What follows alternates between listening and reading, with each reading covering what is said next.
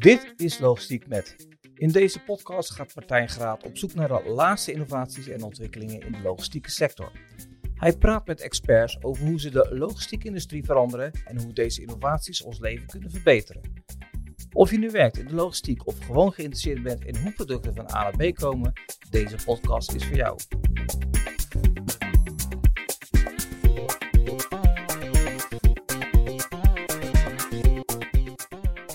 Is Logistiek met Stan de Kaluwe. Stan is projectleider bij Hard Hyperloop. Hij legt uit wat de Hyperloop is, hoe de Hyperloop werkt en wat de huidige stand van zaken is. Verder praten Stan en ik over de mogelijkheden die deze nieuwe modaliteit gaat bieden en de impact daarvan op logistieke operaties.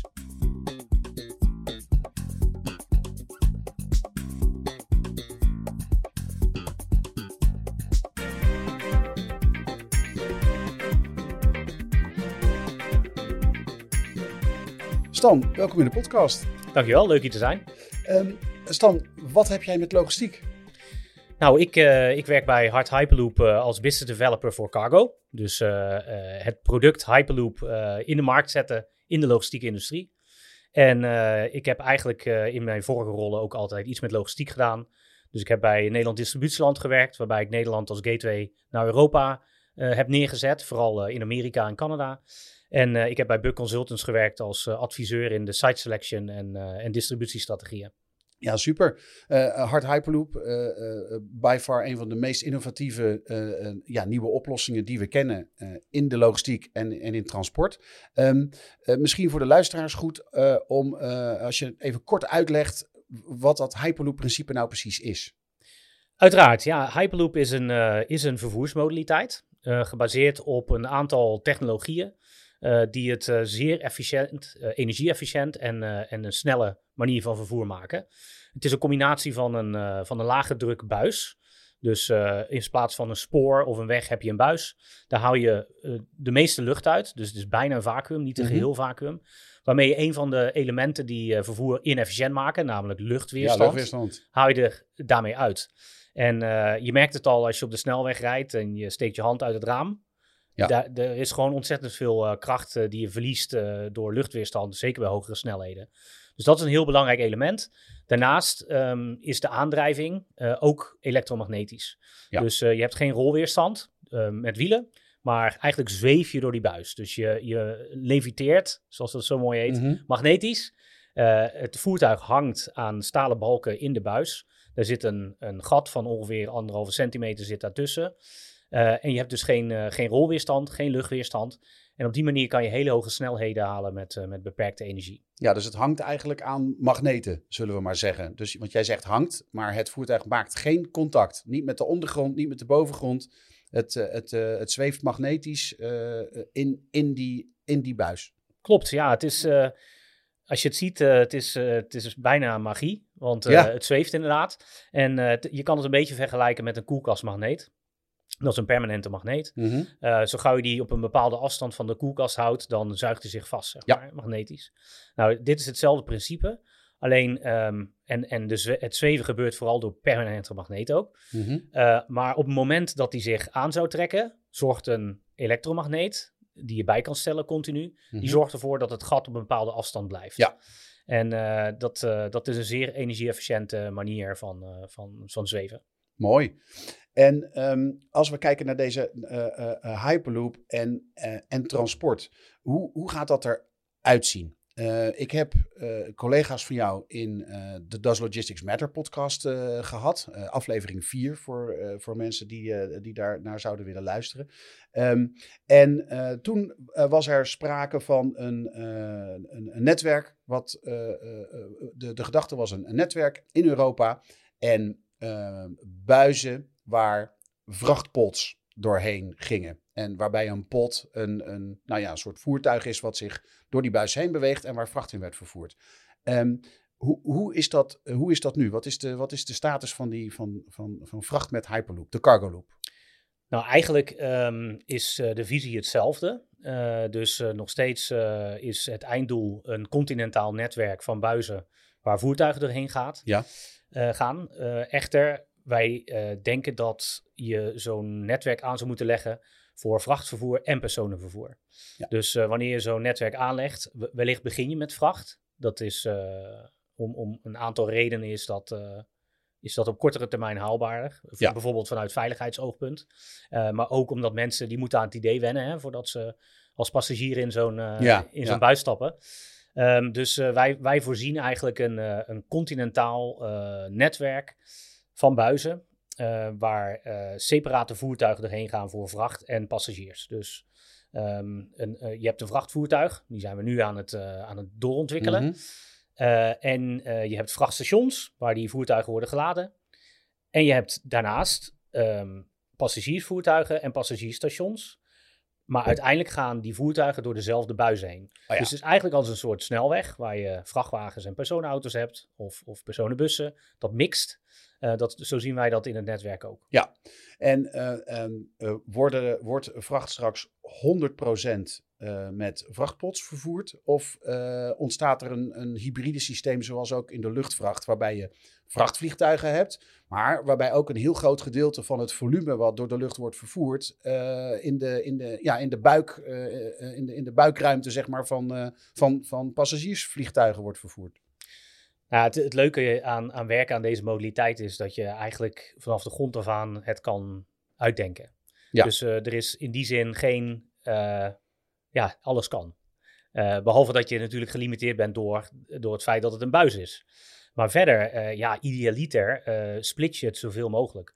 Want de plek waar passagiers in de Hyperloop stappen, is vaak niet de plek waar je ook vracht wil laden in een Hyperloop. Ja. Dus je merkt ook bij steden, die, die stromen die moeten zoveel mogelijk gescheiden worden. Ja.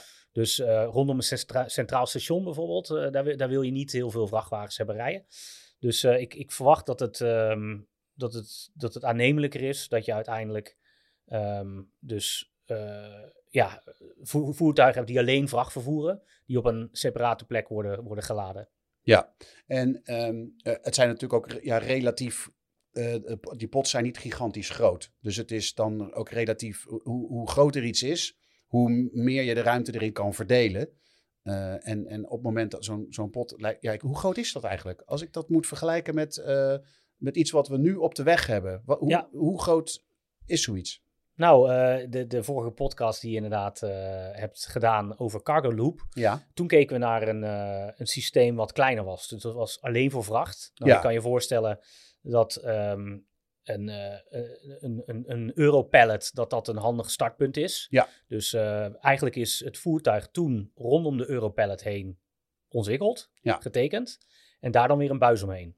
Dus dat resulteerde in een buis van 2,5 meter diameter. Ja. Nou, vervolgens, uh, en dat, daar zijn we ook achter gekomen tijdens het Cargo Hyperloop Holland project, waar, we, waar we met 30 partijen uit, overheid, over, uit overheden, verladers, logistiek dienstverleners, hebben we eigenlijk in een, in een serie workshops samen bedacht hoe moet dat systeem eruit zien en waar moet het aan voldoen. Maar daar kregen we eigenlijk al vrij snel terug, uh, vooral van overheden. Wij, wij, zouden er ook wel passagiers in, uh, in willen stoppen. Want uh, onze regio is ook voor passagiers slecht bereikbaar. En we willen een betere connectie met Schiphol of met Duitsland, et cetera. Dus toen zijn we ook gaan kijken, hoe ziet een passagiervoertuig eruit in een buis van 2,5 meter? Dat is een heel krap voertuig. Ja. En het voertuig heeft geen ramen, want je zit in een dichte buis. Mhm. Dus dat is niet per se een prettige reisbeleving. Naast dat het lastig in en uitstappen is. Je kan het vergelijken met het kleinste type uh, business jet. Ja. Uh, waar je niet rechtop in kan staan. Dus um, wij hebben eigenlijk geconcludeerd: oké, wanneer we commerciële routes gaan bouwen, mhm. um, wordt die buis groter. En hebben we een voertuig waar 30 tot 60 personen in kunnen. Um, en voor vracht geldt dat, uh, geldt dus ook dat je meer vracht uh, kwijt kan. Okay. En we hebben nu, hè, en, en dit is absoluut in ontwikkeling. En we kunnen een voertuig langer of korter maken. Ja. Maar we zitten nu uh, op een aanname van, van circa 20 pallets. Dus dat zijn 10 oh, okay. rijen van twee pallets. Ja. En ongeveer 10 ton aan, aan draagvermogen Juist. voor vracht. Oké, okay. dus ja. dat is... Dus ongeveer de helft van de vrachtwagen. Ja, ja precies. Meer. Ja. ja. Oké. Okay. En ja, het scheelt natuurlijk ook dat je als je en vracht en personen apart moet vervoeren, heb je weer, dan moet je al die buizen twee keer aanleggen. Ja, precies. Dus uh, dat, dat was een van de redenen waarom we naar, naar het hybride systeem zijn gaan kijken. Um, een infrastructuur leg je niet zomaar aan. En uh, dit is uh, dit is een groot project. Dus als je politici en, uh, en de maatschappij wil overtuigen dat dit nodig is, dan moet je het ook maximaliseren. Ja. Dus dan, dan moet je ook het perspectief bieden dat er op termijn passagiers doorheen gaan. Daarnaast doen we dit ook echt vanuit het idee dat we du vervoer duurzamer willen maken. En daar, daar kan je al grote slagen maken met vrachtvervoer. Maar met passagiervervoer kan je al helemaal grote slagen maken. En, en als je dat zou, zou moeten uitdrukken in uh, nou bijvoorbeeld een, een, een, percentage of een waarde. Uh, als, je, als je kijkt naar de milieubelasting van uh, de, de, de, de uitstoot zeg maar, van, van een vrachtwagen of een vliegtuig. Of een, dus waar, waar zit een, een, een, een, Hyperloop pot? ja, waar zit die? Ja, ja we hebben daar uiteraard wat berekeningen op losgelaten. En als je kijkt naar hoeveel energie het kost om een passagier een kilometer te laten vliegen, mhm. dan is dat, kost dat tien keer meer energie dan dat je per Hyperloop zou doen. Oké. En het heeft ongeveer dezelfde snelheid. Dus een Hyperloop voertuig kan theoretisch circa 1000 km per uur. Mhm. Nou, dat, dat is theoretisch, want dan heb je een hele rechte uh, buis nodig. Ja. Dus wij werken met een aanname tussen de 5 en de 700 km per uur. Dat is nog steeds een uh, lekkere snelheid. Dat is op een, op een schaal van Europa is dat een, Ja. een heel uh, aangename snelheid. Want je kan dan nog steeds binnen een dag op en neer naar een plek in Europa. Ja. En ehm, je, je hebt ook minder qua ehm, wachttijd, hè, zoals je dat hebt op een luchthaven. En uh, ja, daarmee kan je dus een concurrerend product in de markt zetten, wat vooral ook uh, het vliegverkeer zou moeten doen afnemen. En dat geldt zowel voor passagiers als voor vracht. Ja. Dus als je kijkt naar vracht, wat voor producten verwachten we met Hyperloop te vervoeren? Dan zijn het vooral die producten waar, um, ja, waar, waar snelheid uh, belangrijk is. Ja. Dus een hoge value of time. denk bijvoorbeeld aan versproducten of aan hoogwaarde, hoogwaarde producten of e-commerce producten. Ja. En um, daar daar denk ik dat een, een Hyperloop-netwerk uh, ja, echt een, een gamechanger kan zijn. Hoe, hoe dat in een, in een continent als Europa dan uh, ja. gaat hebben. Ja, het is echt uh, het is een last, lastmaal oplossing. Ik bedoel, het is, het is in de zin van first Ja. maal zou er wat kunnen gebeuren, maar dan zou je eerder kunnen denken aan noodverschepingen, als, als een, een, een autofabriek mogelijk stil komt te staan. Ja, Hè, dan, dan zou je Hyperloop uh, kunnen, zo'n Hyperloop kunnen gebruiken. Maar uh, meer, meer lastmaal. En je noemt ook Europa. En je had het net over een uh, samenwerkingsverband in Nederland met, met je noemde 30 partijen die nadenken over hoe, ja, hoe gaan we dit met z'n allen vormgeven. Um, dat zal je in Europa ook moeten doen. Want als je naar het spoor kijkt, dan, uh, zijn, er, dan zijn er momenten, als je kijkt naar continentaal spoorvervoer, uh, ja, waarbij de trein gewoon even niet verder kan, omdat er andere rails liggen. En dat lijkt me met een buis waar een pot doorheen gaat, helemaal belangrijk. Um, dus dus hoe, hoe werkt die Europese uh, samenwerking? Want Hard Hyperloop is niet de enige Hyperloop-partij in Europa. Ja, dat, dat klopt. Uh, het is echt een industrie aan het worden. En uh, er zijn zowel in Europa als daarbuiten zijn uh, Hyperloop-ontwikkelaars. Um, die werken allemaal met weer verschillende partijen samen. Dus je zoekt er partijen bij die gespecialiseerd zijn in een bepaald deel van het systeem. Mm -hmm. Nou, HART is onderdeel van het Hyperloop Development Programma. Dat is een pan-Europese samenwerking. En we hebben zelfs partijen van buiten Europa erbij van bedrijven, uh, wetenschapsinstituten, um, overheden die gezamenlijk uh, Hyperloop willen accelereren. Uh, er zitten ook andere Hyperloop-partijen bij, maar niet allemaal. En uiteindelijk wil je wel met alle Hyperloop-ontwikkelaars tot een bepaalde standaard komen. Ja. Dus daarvoor zijn we een, een, vereniging aan het oprichten momenteel. En we zitten gezamenlijk in een standaardencommissie van de Europese Unie, um, waarin ja, de gesprekken worden gevoerd over nu nog, wat is Hyperloop überhaupt? Ja. Dus waar, dat, is, dat is echt een definitiediscussie ook. En uh, ja, dat, dat, dat is op zich nog redelijk te doen. Want iedereen heeft die buis en, en die magnetische aandrijving en levitatie, et cetera. Maar op een gegeven moment zal je ook toe moeten naar wat wordt dan de buisdiameter? En uh, welke, ja. exacte aandrijfsysteem gaan we gebruiken? Dus wij willen daarmee voorkomen dat we inderdaad in een situatie terechtkomen dat ergens een Hyperloop route wordt gebouwd. En ergens anders ook. En die wil je dan op een gegeven moment op elkaar aansluiten. En dat Ja. gaat niet. Dus dat, is, dat, dat gaat niet gebeuren. Nee, nou, dat, dat, is, dat, is, dat is in ieder geval een hele goede ontwikkeling. Ehm, die, eh, die snelheid waarmee die, die vracht straks eh, door Europa gaat. ehm, ik kan me voorstellen dat de, de invloed daarvan op hoe bedrijven hun logistieke processen inrichten, dat die invloed heel groot is. Want die, die, die, die, die magazijnen en die distributiesystemen, die zijn niet ingericht op uh, 1000 km per uur. Die zijn ingericht veelal op uh, 80 km per uur. Hoe, ja. Hoe, ja, hoe, hoe, hoe, zie jij dat? Wat, wat, wat, welke invloeden zijn er? En wat gaat daar veranderen? Ja, ik, ik denk dat daar echt veel zou kunnen veranderen. En um, we hebben natuurlijk veel discussie over ruimtegebruik in Nederland. en dat is op veel plekken zo. Ja. Um, verladers en, en e-commerce partijen die willen graag dicht bij uh, metropole regio's zitten, dicht bij hun klant. Ja. Omdat die steeds veel eisender wordt natuurlijk. Dus nou, in Nederland zijn we, zijn, lopen we in die zin best wel voorop al. Wij, wij zijn al gewend dat wij next day uiterlijk ons, uh, ons, ons productje ja. krijgen. Um, nou, bedrijven die gaan dat ook steeds meer verwachten. Dus B2B e-commerce wordt ja. steeds belangrijker. Dat zijn ook de de, de consumenten die gewend zijn geraakt aan bol.com en Amazon, die, dat zijn ook de inkopers bij bedrijven ja. uh, morgen. Dus die verwachten ook uh, die, die, die dienstverlening. Maar dat betekent dat je als leverancier, als verlader, uh, je product dus op dit moment dicht bij die klant moet hebben. Anders red je dat niet. Ja. Tenzij je gebruik maakt van een Air Express netwerk. Wat kosten met zich meebrengt en wat ook niet te verduurzamen is. Ja. Dus um, resultaat is dat veel bedrijven meerdere voorraadlocaties hebben nu in Europa en, en, en, en dicht bij die klant uh, willen zitten. Ja. Nou, als je een, een Europees systeem hebt van, van Hyperloop buizen, dan kan je dus wel consolideren op Europese schaal en nog steeds dezelfde of de volgende dag leveren. Dus je kan één strategisch geplaatst warehouse, distributiecentrum, ergens hebben. Um, wat enorm veel voordelen met zich meebrengt als je ja. kan consolideren. Want je, je hele voorraadcomplexiteit gaat omlaag, je voorraadkosten, je totale voorraad. Um, en daarmee kan je ook weer meer uh, automatiseren in je warehouse. Dus als je schaal hebt, ja. dan is het makkelijker, of hè, dan is makkelijker de business case rond te krijgen om te automatiseren. En zeker ook, ja, nu haal ik er van alles bij, maar ja. we hebben ook gewoon een, een, een personeelstekort. Dus. Nee, maar er komt ook ontzettend veel, ik bedoel, daar komt ontzettend veel bij kijken. De milieu heeft een gigantische impact. Er zijn, uh, geen, er zijn uh, heel moeilijk mensen te vinden.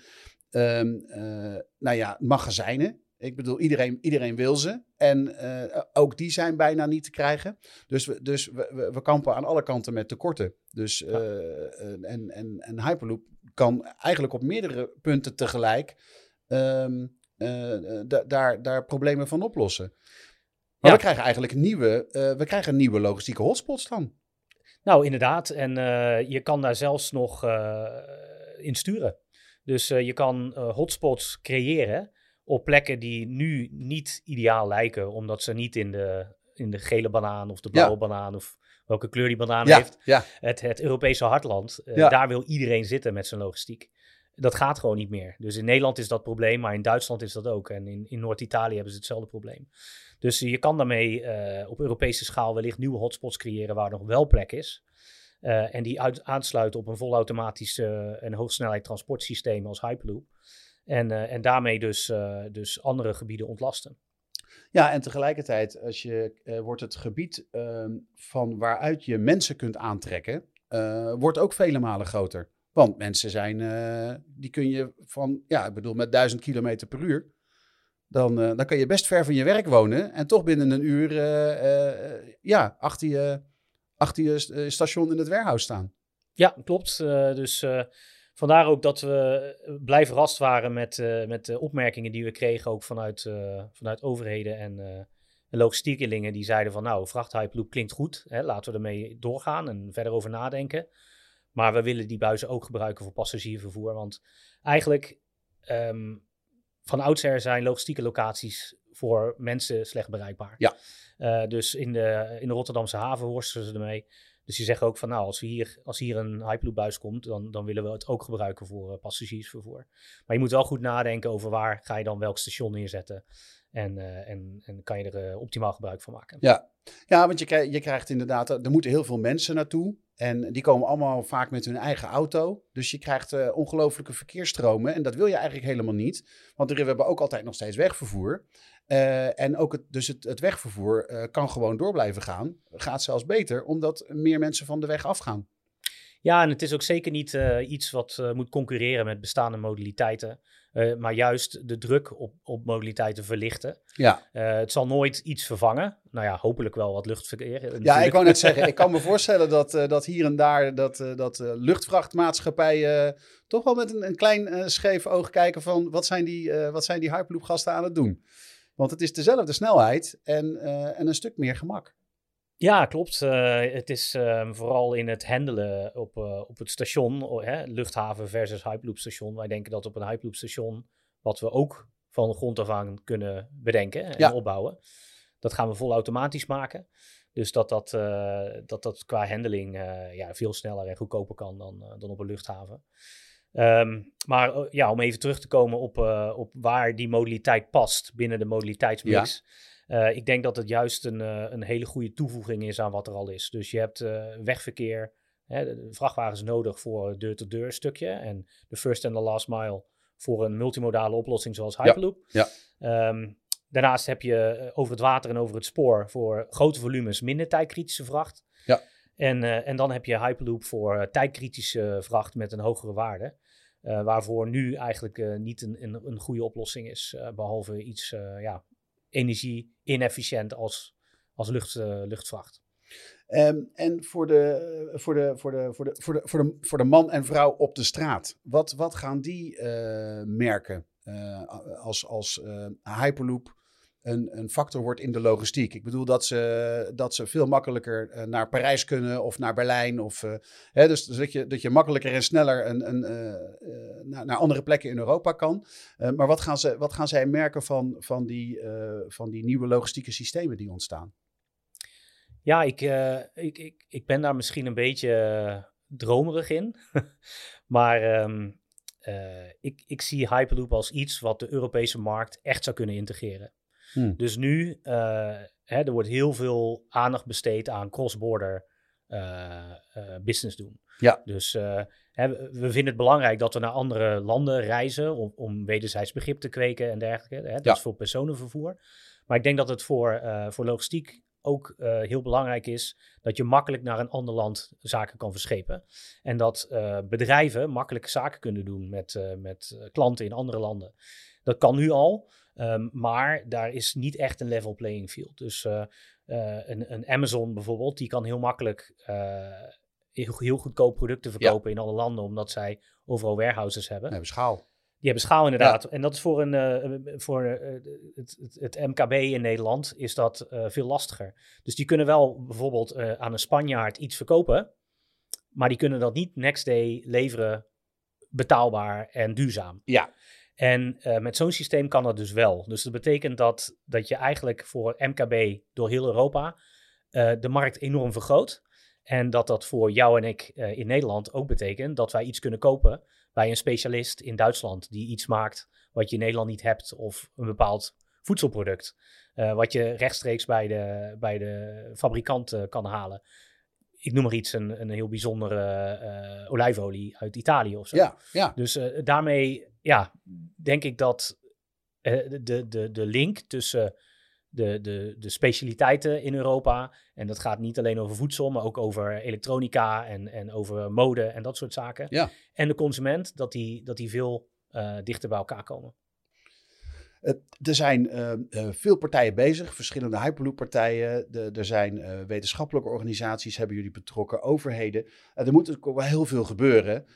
en er ligt natuurlijk nog helemaal geen buizennetwerk in, in, in Europa. Um, kun je wat meer vertellen over, over hoe jullie denken dat te gaan aanpakken. En uh, worden er bijvoorbeeld overal nieuwe buizen gelegd? Kunnen we gebruik maken van bestaande verbindingen?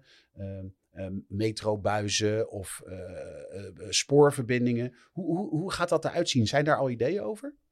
Zeker, ja, dat is, dat is natuurlijk al de, de hamvraag. hoe ga je in een, in een in een land als Nederland en een continent als Europa, waar al heel veel infrastructuur ligt, en waar we steden hebben waar je niet aan mag komen, uh, hoe ga je dan zo'n compleet nieuwe infrastructuur aanleggen? Um, daar kan je wel wat slimme dingen mee doen. Dus um, we willen bijvoorbeeld enorm gebruik maken van bestaande corridors. Dus uh, bouw de Hyperloop naast een bestaande snelweg ja. of naast een bestaand spoor. Of maak gebruik van tunnels die er al zijn waar dat mogelijk is. Al zijn die vaak wel specifiek voor een andere modaliteit ontwikkeld. Ja. Maar wellicht kan je er iets naast leggen. Of, uh, nou ja, daar proberen we zo creatief mogelijk mee te zijn. En we hebben nu al gemerkt in, uh, in routestudies die wij doen, die we toch al een aantal hebben gedaan. Um, in, in lastige gebieden, zal ik het maar even zeggen. Mm -hmm. daar blijkt dat we minimaal 70% van bestaande infrastructuur kunnen, corridors kunnen gebruiken. En dat betekent dat je dus niet terechtkomt in hele lastige onteigeningsvraagstukken. Waar je of door, je door een natuurgebied heen hoeft of zo. Dus dat, daar kan je slim, slim in zijn. Voordeel daarbij is dat Hyperloop geen uitstoot levert. Dus Ja. je zit niet met stikstof, wel bij de aanleg, maar Ja, uiteindelijk niet bij het gebruik. En het maakt geen geluid. Eh, en dat is bij veel bestaande infrastructuur een enorm issue. Dat is bij vliegen zo, bij snelwegen, bij trein. Dit is Dus je een kunt- stille dus buis. Wauw, dus je kunt naast een eh, Hyperloop buis staan. Dan, komt er, eh, met, dan komen er 20 pallets voorbij met 1000 km per uur. En daar hoor je niks van. Ja, je hoort wel wat, maar het is absoluut niet vergelijkbaar met, eh, Oké, wauw. Oké, En dat komt dus ook doordat je geen contact hebt met, eh, met Ja. de infrastructuur. ja, logisch En geen eigenlijk. trillingen. Ja. Nee, Dus eh, dat, dat is een interessante. Maar goed, ik ben er ook inmiddels achter. En dat is ook een van de rollen die ik nu heb. om met steden en regio's door heel Europa dit te bespreken. En, en te kijken wat zijn nou jullie uitdagingen op het gebied van transport. En hoe kan Ja. Hyperloop een rol spelen. Maar ook wat zijn de uitdagingen in het aanleggen. En eh, dat, dat varieert enorm. Dan, dan ga je het al meteen hebben over grondsoorten. Dus als Ja. je gaat boren in het gebied. ehm, ja, dan, dan heeft dat op verschillende plekken verschillende uitdagingen. En eh, nou ja, de- we denken wel dat met nieuwe boortechnieken, eh, waar bedrijven over de hele wereld mee bezig zijn, dat je wel kostenefficiënter ondergronds deze infrastructuur kan Ja. aanleggen. Maar op sommige plekken zou je het bovengronds willen doen, omdat dat nou eenmaal minder kostbaar is en eh, omdat het op sommige plekken prima kan. Dus als je het op palen zet, dan kan het ook andere infrastructuur eh, kruisen. Ja. En, eh, en het is een relatieve smalle infrastructuur. Het is ongeveer de helft van, van een dubbel spoor. Dus een, een, een hoogsnelheidstrein, daar heb je ongeveer 14 meter breedte voor nodig. Nou, voor een Hyperloop met een hoge capaciteit heb je maar 8, 8 meter breedte nodig. ja, dat is niet veel. Nee, dus, dus dat is in die zin ook weer een heel belangrijk argument. Eh, dit is makkelijker in te passen dan een snelweg of, of een, een hogesnelheidstrein. Oh ja. Ja, in die zin zie ik ook wel een, eh, wel een hele mooie eh, zakelijke, wat een mooie zakelijke visie die Elon Musk heeft. Die, die eigenlijk een beetje aan de, aan de, aan de wieg heeft gestaan van, van, van de hele Hyperloop. En mooi dat hij dan ook denkt van nou, dan ga ik ook een boring company beginnen. Want die buizen die zullen overal de grond in moeten. Dus dan maak ik daar gewoon ook een mooie machine voor.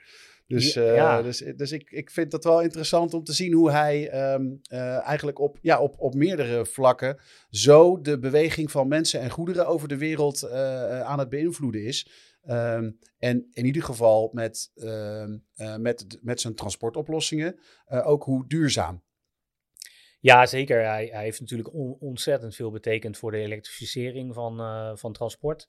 En eh, ja, het- ik, ik weet het niet. eh, ik ken hem niet persoonlijk, maar het zou een, een geniaal plan wederom van hem kunnen zijn geweest. Om het idee Hyperloop in de markt te zetten en dat een enorme push te geven door die wedstrijden uit te schrijven voor, voor studententeams, waar ook Hard Hyperloop uit ge- voortgekomen is. Als eerste winnaar van, het, van, van die wedstrijden. Ja, Maar er zijn ook andere Hyperloop bedrijven uitgekomen. Dus hij heeft eigenlijk die, die industrie gecreëerd zonder daar zelf actief mee bezig te zijn. Tegelijkertijd zijn al die bedrijven aan het nadenken hoe kunnen we het kostenefficiënt onder de grond brengen. En daar is hij inderdaad met Boring Company, maar ook andere bedrijven eh, Ja, ja. zijn daar zijn er druk mee bezig. Dus eh, ja, het zal heel interessant eh, zijn om te zien hoe hij via die route weer zich actief met Hyperloop al dan niet gaat bezighouden. En ehm, als we kijken naar, naar, naar tijdlijnen, dus ehm, ehm, ja, nou twee vragen. Ehm, wanneer kan ik mijn eerste pakketje in handen hebben wat, wat op die Hyperloop gezeten heeft? Dat zal de gemiddelde consument niks doen, maar, maar ja, ik ben gewoon gek van logistiek.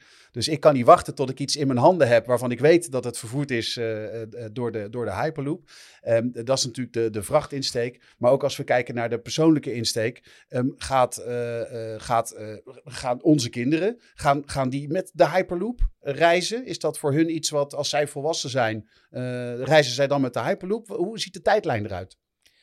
Nou, ik weet niet exact hoe oud je bent, maar je bent denk ik jong genoeg om zelf nog in een Hyperloop te kunnen reizen. Graag, ja.